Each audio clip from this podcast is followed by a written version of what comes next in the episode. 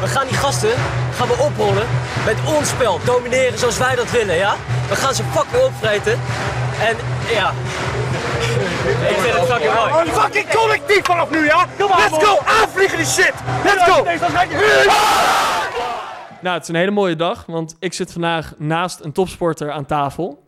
Hij is 24 ga je dit doen, jaar. Simon? Hij is 24 jaar. Hij kreeg op zijn 18e een auto van de hockeyclub. Oh ja, ja. En zijn naam is Guido van Winden. Ja, dankjewel Simon. Dit is natuurlijk niet eh, waar wij het over gaan hebben vandaag. Eh, ik ga me ook geen illusies maken dat ik ooit zo goed kon hockeyen als deze twee gasten. We hebben vandaag namelijk aanvoerder Nederlands elftal en meest scorende spits van het Nederlands elftal, Billy Bakker, Mirko Pruiser. Twee de- hele grote namen in, eh, in de hockeywereld. Zeker. En eh, die hebben ons een aantal dingen bijgebracht, zullen we het zo maar zeggen. Ik had een eh, keihard lesje nodig in leiderschap. Ja, Ben ik goed de les gelezen ook. hoe ben je een goede aanvoerder? Ja, Waar hebben we nog meer over gehad? hoe zij eigenlijk naast hun studententijd die topsport hebben beleefd. Ja, die, en die top hebben bereikt. En dan als laatste misschien ook nog...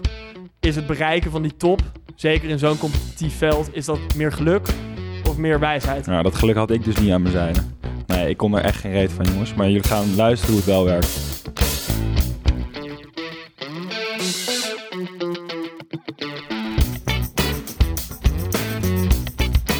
Willy Mirko, eh je zijn nu een aantal weken uit de oranje bubbel, volgens mij.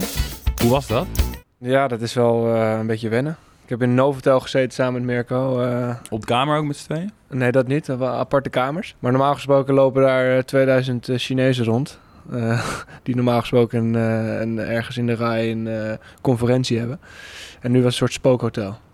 Dus wij waren als enige in, met, met het Nederlands elftal eh, in dat hotel aanwezig. Dus we konden voetballen in de, in de etenzaal en dat soort eh, gekke dingen allemaal. Dus het was wel een beetje raar.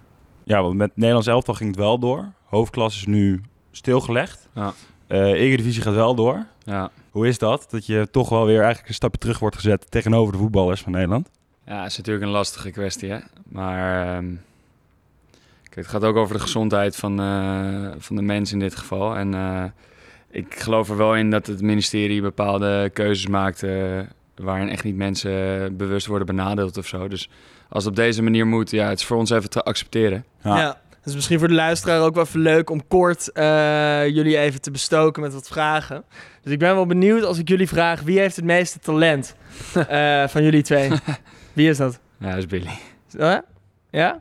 Ja, weet ik niet dat hij het zegt. Jij bent te beschrijven. Ja, het, het- het- kijk, het is moeilijk om, eh, je- om daar, dat is een beetje appels met peren vergelijken. En dat is, eh, om er wat dieper op in te gaan. Mirko zegt een, eh, een, eh, een specialistische spits waarin wat hij dan weer veel beter kan dan ik. Ja, En waar er nou heel veel weinig zijn in Nederland. Ik ben misschien iets meer allrounder. Nou, laat ik het zo zeggen. Ik denk dat bij, bij, bij Mirko is het zo dat... ehm, Mirko die eh, heeft een... eh, als Mirko nu de top heeft bereikt... die geeft zeg maar het, het grootste gedeelte van Nederland echt hoop om, eh, om succesvol te worden. Met, niet alleen met, met zijn verhaal, maar ook met zijn specialisme exact. En dat, is, dat maakt het wel weer mooi. Ja, Mirko, voor jou was het niet vanzelfzelfsprekend. Misschien dat je in het Nederlands zou komen. Nee. Hoe, eh, hoe is dat een beetje gegaan? Werd op mijn vijftiende werd ik eh, geselecteerd voor het districtsteam. Toen kwam ik bij Billy in het team, of, Ja. eh, rond mijn 14, 15e. Daar, dat is eigenlijk ook onze eerste ontmoeting eigenlijk geweest. En ehm, van, eh, ik kwam van een kleine club, de Reigers. En, eh, In Hoofddorp. Ja, in eh, Hoofddorp. En we speelden geen landelijk en noem maar op. En Billy speelde wel altijd al landelijk eh, met eh, Amsterdam. En toen kwam ik in het districtteam. Dat ging eh, op de finale dag redelijk oké. En toen werd ik eh, twee weken later gebeld om naar Amsterdam te komen. Waarin eh, Billy en nog wat andere vrienden van toen een bijdrage in hebben geleverd. Nou, toen kwam ik naar Amsterdam en, ehm, in de B1. En toen werd ik het jaar daarna wel in de A2 gezet. Ja. Dus dan maak je je droomtransfer naar eh, de, de mooiste club van eh, de wereld en dan misschien wel. schakel je toch weer terug daarna. En dan word je gelijk weg, eh, Ja. weggezet. En eh, in het voetbal is dat allemaal prima als je in de A2 speelt bij Ajax. Want dan weet je dat je een jaar erop in de A1 komt. Zo werkt het selectiebeleid daar. Maar in het hockey ben je dan eigenlijk al afgeschreven. Tweede pitchen. Ja, En hoe heb je toen toch eh, recht gemanoeuvreerd? Ja, ik was wel overtuigd van mijn eigen kunnen. En ik wilde gewoon laten zien dat ik niet eh, zomaar een transfer had gemaakt. Ik wilde wel eh, bij Amsterdam slagen. En dat heb ik toen ook gedaan. Het jaar daarop kwam ik weer eh, in de A1. Eh, toen drie jaar in de Heren 2 gespeeld. Ik kwam ook niet vanzelfsprekend even in de Heren 1. Ik mocht wel af en toe meetrainen. Ja. Maar uiteindelijk wel mijn plekje weten te bemachtigen. En vanuit daar ook weer door naar het Nederlands zaalteam. net niet in het Nederlands team. En toen op mijn 25ste uiteindelijk wel. Maar je had wel altijd het nog voor ogen van ik wil wel Amsterdam Heren 1 nu halen. Ja, zeker. Omdat ik gewoon dacht dat ik wel iets kon. En ik was ervan overtuigd. En ik nam er geen genoegen mee dat mensen, andere mensen mij gingen vertellen dat, het, eh, dat het niet eh, goed genoeg was. Ja, dus blijven dat scoren, beetje- blijven trainen, blijven gaan. Ja. En op je 25ste naar het eerste zei, is dat ook laat? Nee, dus naar het Nederlands team. het ik, Nederlands ik team, zat ja. uiteindelijk wel in het eerste en mocht Ja. daar af en toe invallen en noem maar op. Maar ik denk dat wel voor een Nederlands teamspeler is het wel laat, zeg maar. Jij zag wel eh, talent in Mirko om dit bedrijf samen te starten? Nou, misschien om eventjes te kijken naar de geschiedenis. Kijk, we waren in 2012 waren we klaar met onze studie. Eh, we zaten samen op de Johan Cruijff University. En eh, eh, wij zaten allebei in hierheen. Ik zat in het Nederlands elftal en eh, we hadden weinig tijd. Nou, niet genoeg tijd voor een eh 30 uur contract bij de lokale Rabobank, laat ik het zo zeggen. Ja, Dus toen dachten we, ja, wat kunnen we eh, naast onze topsportcarrière en de potentie die we daar nog hebben, nog daarnaast doen? Nou, toen zijn we eigenlijk gaan kijken naar waar zijn we goed in. Nou, we zijn goed in hockey. Laten we daarmee beginnen. ja. Laten we Verstandig. kijken. Ja, dus eh, nou, op een gegeven moment dachten we, nou, we- dat, dat het training geven, dat kan wel op een betere manier. Eh, en het is niet dat wij per se goede trainer zijn, maar de manier waarop wij, de weg die wij hebben afgelegd en, en, en, en weten hoe, hoe het werkt om een goal te maken in dit geval, dat konden wij wel overbrengen. Nou, toen zijn we eigenlijk letterlijk vanuit de kofferbak zijn we door heel Nederland gereden eh, om verschillende clubs af te gaan. Eh, ik denk eh, 15, 20 clubs per jaar, waarin wij wekelijks training gaven. Het is echt begonnen bij de training. Gewoon losse Ja, training. met z'n tweeën training geven, groepjes van 15, 20, 30, eh, soms eh, eh, 50 kinderen eh, gedurende de dag. En op een gegeven moment, na negen maanden geloof ik, ging het zo goed. Dat er, er kwamen zoveel aanvragen binnen. Ze hadden een eigen merknaam, BP College. Is Bakker Pruisen College. Dat was echt een spitsschool. Waarin, ehm, waarin, ehm, waarin zoveel aanvragen kwamen dat we op een gegeven moment dachten... oké, nou, hier moeten we meer mee gaan doen. Toen zijn we onze producten gaan uitbreiden naar niet alleen eh, eh, trainingen zelf, dus privé trainingen, teamtrainingen, maar ook kampen. Eh, en later ook dus events. En eh, nog veel later, maar dan komen we zo op terug op het hele sportmarketing gedeelte. Het is best wel hard gegaan eigenlijk. Ik wil zo ook nog even terugkomen op dat Jo- Johan Cruijff University. Dat is denk ik ook wel echt interessant. Ja. Maar daarvoor vind ik het wel boeiend dat je zegt... ehm, we moesten iets naast de sport nog doen. Ja. En eh, lokale Rabobank kon niet qua uren. Maar ik heb het idee dat heel vaak als mensen echt een passie hebben waar ze vol voor gaan... dat dan het plan B of het baantje, dat daar dan best wel veel zekerheid in zit. Weet je wel, mensen die acteur willen worden in eh, San Francisco of zo, die Mhm. gaan dan daarnaast bij een supermarkt werken. Mhm. Maar jullie hebben dus ook dat risico Mhm. weer teruggebracht in je, in je zijpad eigenlijk. Door wel gewoon vol te gaan ondernemen. Of zie, Mhm. zien jullie dat zelf niet zo? Nou, ik denk wel, kijk, dat, dat hockey is... Het, we leven niet als voetballers, hè. We hebben niet eh, dat, dat- Nee. dat ik een eh, contract teken... dat ik weet dat ik de komende drie jaar eh 5 miljoen op mijn Kan je er wel van leven? Als je, als je het gewoon alleen maar... heb. Voor, van hockey? Ja? Ja, als je, als, je, als je een tophockeyer bent, dan zou je ervan kunnen leven. En maar daar dat- scharen jullie toch wel een beetje om. Een beetje. maar dat is niet voor eeuwig. je hè. uurtje betalen en, Ja. eh, en rondkomen, maar je bouwt geen eh, schatkistje op waar je later nog op door kan teren. Ja. Nou, Nee, maar kijk, je hebt natuurlijk eh, inderdaad, om terug te komen op die vraag, je hebt nu niet die zekerheid, nee. En dat is, ehm, en dat is het risico, eh, om terug te komen op die vraag daarvoor. Daarin hebben wij misschien wel een, een, profiel waarin we iets meer risico nemen. Absoluut. Ehm, en dat is ook zeker, eh, in dit geval was dat eh, zeker het geval. Met name ook als je dat dus start en dus ervoor kiest om niet verder te gaan studeren of, of een cv op te bouwen dan ga je dus ook echt eh, all the way zeg maar, voor het ondernemerschap. Dus dan kies je ook echt een weg die, die we samen hebben gekozen.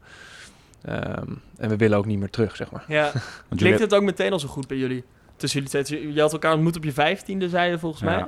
Waren Ja. jullie toen meteen dikke maten of eerst nog een beetje... Nee, we waren wel eh, snel eh, vrienden.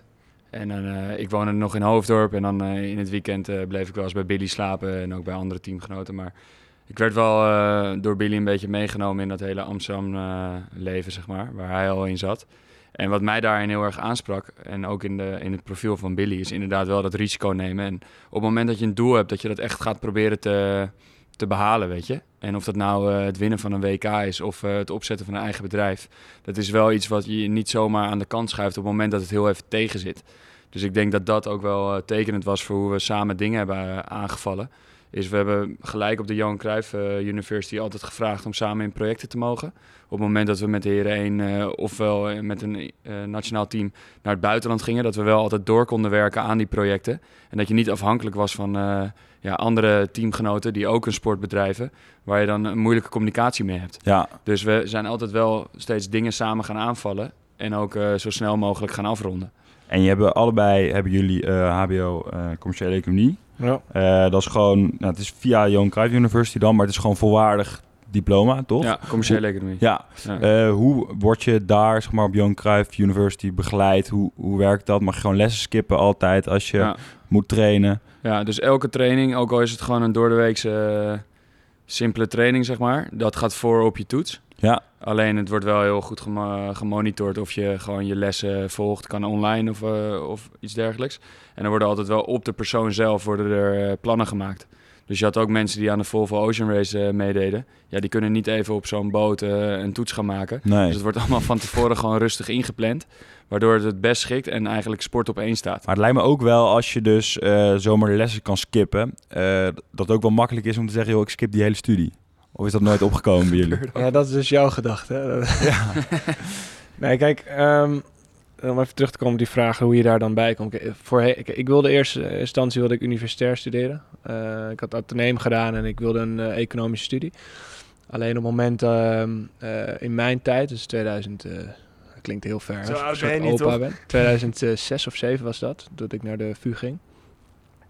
En daar waren economische studies, waren, had je verplichte case colleges. Dus op het moment dat je tentamen haalde en je was niet aanwezig bij die case colleges, dan eh, had je, Had je ook niet kreeg je gehaald? punten niet. Nee. Dus ik haalde mijn tentamen wel, maar kreeg mijn punten niet. Dus dat is Ja. heel raar.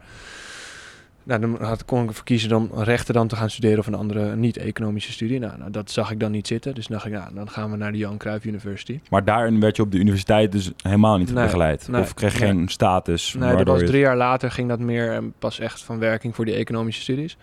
Dus drie jaar te laat, zeg maar. Ja, wel gek, toch? Ja, op zich wel. Ik vond dat wel gek toen. Dat dat niet, eh, dat niet een speciaal traject voor was. Maar ehm, dat, dat was nou eenmaal zo. Ja. Maar daar kwam je na het tentamen ook pas achter. Ja, Oh, dat is echt het eerste kut. blok, ja. Ja. dat is lekker Dus dan. ik, ik stroomde ook pas in in, eh, eh, wat was het, eh, eind oktober of zo. ja. Na dat eerste blok. En toen eh, ja, zat ik op de Johan Cruijff University. En toen eh, kwam Mirko kwam daar later ook bij. Dus dat eh, vandaar. ja, maar voel, hoe voelde dat toen voor jou toen je dacht van oké, ik moet nu toch HBO gaan doen terwijl ik eigenlijk een universitaire studie ga doen, want die topsport blijft wel op één staan.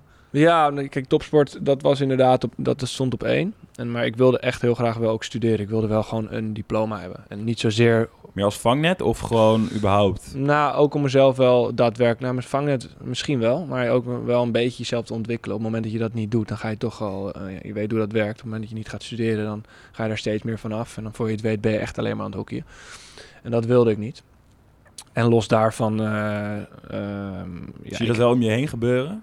Of zag je dat om je heen gebeuren? Met Nou, jawel. jouw leeftijd? Jawel, jawel, absoluut wel. Ik denk dat veel eh, topsporters, en ook in, de, in- onze klas in de eerste jaar, zijn natuurlijk iets van 60% valt ook nog af binnen zo'n eh, Johan Cruijff University. Top- 60% nog. Ja, zeker. Dat is niet Ja, meer, dus. zeker. Ja. Dus veel voetballers die nog gewoon, eh, nou, die gaan zo, heel veel gaan sowieso niet door dan. Nou, dan heb je nog een aantal eh, turners of handballers. En die- uiteindelijk vallen er best wel veel van af. Ik vind het veel, man. Ja, dat vind ik ook.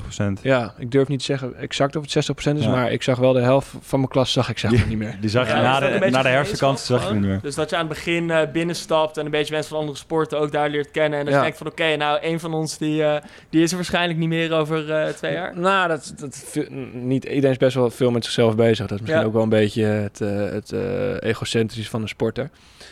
Dus iedereen was wel gefocust op zichzelf. Maar een jaar later zag je gewoon de helft niet meer. Dus dan kon je wel raden waar ze naartoe gingen. Of dan kozen ze ervoor om naar het buitenland te gaan. Of echt daadwerkelijk vol te focussen op sport.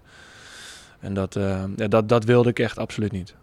Maar je hebt ook wel veel dromen kapot zien spatten, denk ik, in je, gewoon je omgeving. Of, of is dat niet zo eh, dramatisch of pijnlijk als dat, als dat van buiten lijkt? Nou, jawel. Eh, ik bedoel, er zijn er maar een aantal die het uiteindelijk gaan halen. Dus ja, je hebt heel veel mensen die eh, een aantal dromen hadden, maar die uiteindelijk niet eh, werkelijkheid zijn geworden. Absoluut. Ja. En als je daar op terug zou kijken, Mirko, bijvoorbeeld. Stel, je bent natuurlijk wel een hele lange periode ergens vol voor gegaan. Ja. Stel, je had het nou niet gemaakt naar het Nederlands elftal. Zou je dan het waard hebben gevonden? Al die uren die je erin had gestoken. Ja, zeker. Ik ben niet iemand die daar, eh, zeg maar, op het moment dat iets niet lukt, dat je daar negatief op terug gaat kijken. Want ook in zo'n hele route daarheen leer je gewoon heel veel. Hè? Dus eh, Ja, ik geloof er heilig in dat eh, op het moment dat het niet was gelukt, dat iets anders wel was gelukt. ja. Ja, ik word er soms wel eens mee gepest hier binnen, binnen de muren. Maar Wat dan? ik, ik heb wel eens gezegd van, ik geloof bijvoorbeeld niet in dat je nu gaat roepen, eh, ik wil Olympisch kampioen zijn. En dat, dat, Dat- dat is een te grote stap. Ja, dat vind ik te grote stap. Dat voor mijn leven, ook mijn verhaal wat ik net kort vertel, werkt het veel beter om gewoon ja, be- behaalbare doelen te stellen, zeg maar, die misschien net buiten je comfortzone liggen. Dus eerst Maar de die wel, A1, ja, dan dus eerst de 1, A1. dan- Want als ik in de A2 speel, weet ik zeker dat ik nooit in Heren 1 kom. Ja. Als ik niet in Heren 1 kom, kom ik ook sowieso niet in Oranje. Dus het is heel raar om als je in de A2 eh, zit, te gaan eh, roepen dat je Olympische Spelen wil spelen met Oranje. Maar dat vind ik wel opvallend, want heel veel mensen die zien, zeker bij dingen als topsport, die denken, oké, sky's the limit. Ik, ik heb die wortel voor mijn neus nodig eigenlijk, Ja. om, om te blijven rennen. Maar jij hebt eigenlijk met hele kleine stapjes steeds gehad van, oké, steeds net een haalbaar doel zetten en door naar de volgende. Ja, en die wel zo aan elkaar linken. Hè. Dus ik, ik, ik durf wel vooruit eh, doelen te stellen. Maar ik, ik vink ze wel echt daadwerkelijk af. Door een soort ketting eigenlijk. van, en, en eh, we hadden het er laatst over met ons eigen bedrijf. eh, want soms zijn we ook wel dat we zo hard vooruit gaan... dat we ook niet meer kijken naar de successen die we hebben behaald, zeg maar. Ja, en succes. Zeker als topsporter kan je natuurlijk heel hard werken. Eh, we hebben het er wel eens met onze gasten over. Soms is het ook gewoon even dom geluk hebben. Als jullie kijken naar of je sport of jullie onderneming. Waar heb je dan geluk gehad? En dan niet een bal die eh, toevallig via een stik van de tegenstander de kruising invliegt. Terwijl die eigenlijk op eh, veld 6 eh, achter de parkeerplaats had moeten liggen. Maar misschien iets. Kijk, als we nu... ehm, kijk, het gaat meer om tijd, zeg maar. Kijk, al- als, als, als Mirko bijvoorbeeld niet van Hoofddorp naar Amsterdam was gegaan... Ja, En, en ik had hem aangesproken bij wijze van een keer op de districtsdag. En ik zeg, kom je nog naar ons? Dan was het misschien niet op dat moment geweest, maar een jaar later. ja. En dan was hij misschien wel benaderd door iemand anders. Of ik zeg maar wat. Ja. Dus ik geloof er niet in zozeer dat het dan niet nog daadwerkelijk werkelijkheid wordt. Maar dat het misschien langer tijd nodig heeft. Maar het was wel een beetje onvermijdelijk dus. ja, het is natuurlijk... Ja, kijk, eh, speelt een, een factor geluk een rol? Ja, misschien wel. Maar aan de andere kant dwing je dat ook af. Ja, ik vind dat altijd moeilijk. Ik, ik, ik geloof niet echt heel erg in dat eh, geluk. Kijk, ik Toch vind wel geluk, maakbaarheid dan. geluk vind ik als, ik als je op straat loopt en je loopt tegen een koffertje aan en er zit 1 miljoen euro in en niemand Ja. weet waar het vandaan komt en je, jij mag het hebben. Dat is, dat is, oké. dat ja, is ja. echt geluk. De loterij. Snap je? Ja. ook Of het roulette. Ja, of het roulette van dat hij non-stop in jouw nummertje valt. Ja, maar Dat- daar zet je dus wel risico in. Dus Ja. Het is ook wel, als je het er niet inlegt, ga je het er ook niet uit Ja. krijgen. Dus maar deel geluk jij, dwing je ook jij af. Billy's mening dat, ehm, dat het echt maakbaar is uiteindelijk? Zeker ook vanuit jouw eigen achtergrond, dat je echt hebt moeten bikkelen eh, wanneer ja, het moest? ja, maakbaar weet ik niet, maar ik, ik ben wel altijd eh, iemand die denkt dat geluk af te dwingen is, zeg maar. Daar geloof ik wel echt heilig in. Als je er maar in stopt. Ja, want dan stel je voor dat het niet eh, dat je het WK bijvoorbeeld in 2018 wint, maar je gaat wel op dezelfde voet verder, dan zou het zomaar kunnen dat het in 22 wel gebeurt. Ja. Ik zeg maar wat, weet je wel. Dus ja, wanneer is dan je geluksmoment? Dat kan je altijd achteraf pas zeggen. Ja. Terwijl misschien heb je dan al honderd keer geluk gehad. Oké. Ik denk om, eh, om af te sluiten, jullie gaan volgend seizoen, of volgende zomer als het goed is, eh, naar de Olympische Spelen.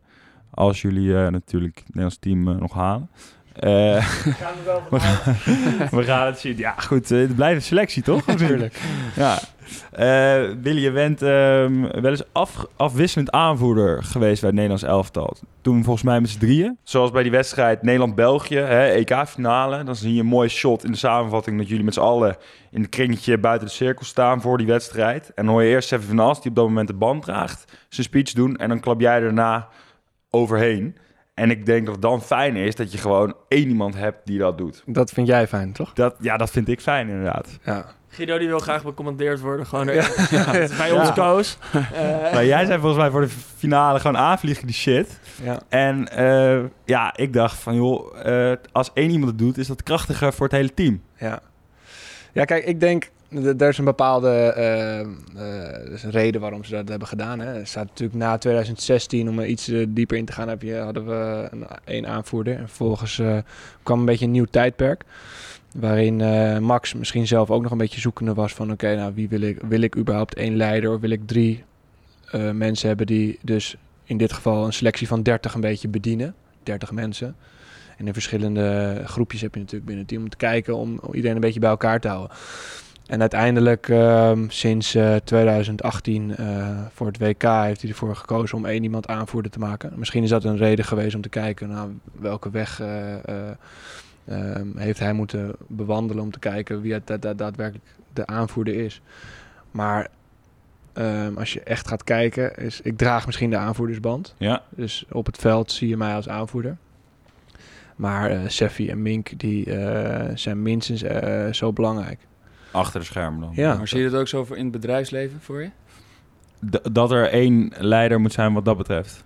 Eh, nee, dat denk ik niet inderdaad. Maar ik denk wel dat er altijd wel even één iemand inderdaad het gezicht moet zijn. En als er een pep talk of zo gegeven moet zijn, zeker ook in een team binnen het bedrijfsleven, Ja. dat het dan goed is dat iedereen naar één iemand kijkt. Maar dat zag je wel, toch? Want Billy had toen niet de band om. Maar die had het wel over aanvliegen, die shit. Klopt. Maar daarvoor gaf Sevi eh, eerst een speech, toch? Jij Shit. klapte Ik, ik, eroverheen. ik, ik heb, ik weet het niet meer. Dat is een ja, beetje, ik, ik heb dat, het is heel nerdig, maar ik heb die wedstrijd misschien al 30 Ja. keer teruggekeken. Mirko, jij maakte 4-2 volgens mij in die wedstrijd. Klopt. Is dat het mooiste moment dat jij carrière tot nu toe? Ja, zeker. Ja? ja? We werden toen Europees kampioen in eigen stadion. We spelen allebei in Amsterdam. Ja, Ehm, persoonlijk werd ik ook nog topscorer. Ja, dat toernooi. Ja, dus dat, dat was heel mooi. Eh, maar ik, om even waarom ik die vraag stel. Kijk, ehm, Billy is niet bijvoorbeeld in dit bedrijf eh, de enige aanvoerder. En ik ook niet. Weet je? Dus ik geloof zeker wel in een gedeelte eh, management. Waarin je wel gewoon je tak hebt onder je waar je over moet leiden. En ik denk wat precies in die speech naar boven kwam was... Er waren drie leiders. En ehm, nou, eh, Bill voelde aan dat misschien de speech van Sef niet genoeg was. Ik, ik weet het niet, hè.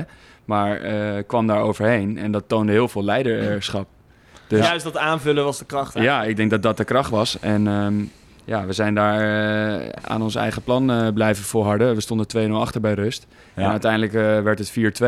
Ja, EK dus- gewonnen. Ja, maar misschien toch nog op terug te komen. Ik, kijk, die, dat leiderschap. Kijk, wat is voor jou leiderschap? Hè? Is dat, ik hoor je nu drie keer over een pep talk, zeg maar.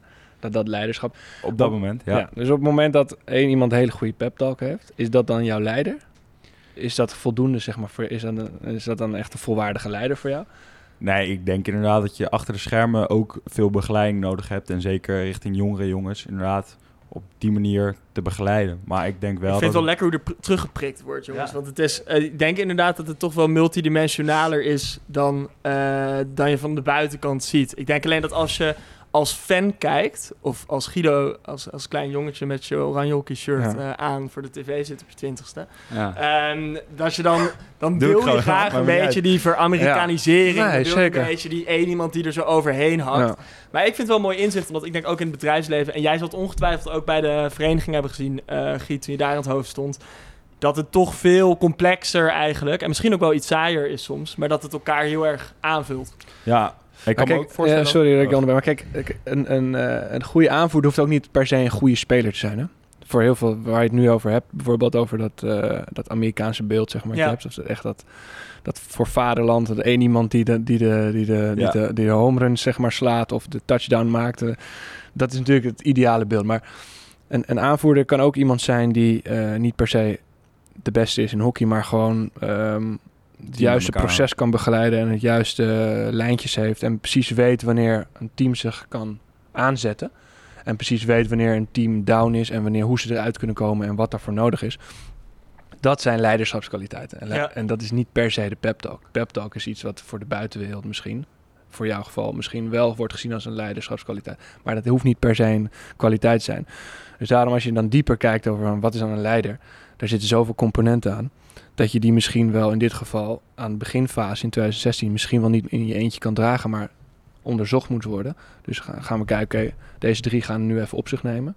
Ja, en zo naarmate de route zich een beetje bewandelt, kun je dus eigenlijk gaan kijken, oké, En wie... als die drie dan niet op één lijn zitten, Ja, ik kan me voorstellen dat je dan mixed signals krijgt. Dat je dan zit van, joh, jongens, wat is het nou? Was Ja. wel eens dat soort wrijving, ja? Of veel ja nou, dat kan ook. Kijk, de ene zit er zo in en de ander zit er zo in. En dan moet je met elkaar gaan afspreken, ja, wat wil je dus uitstralen naar je team? Ja.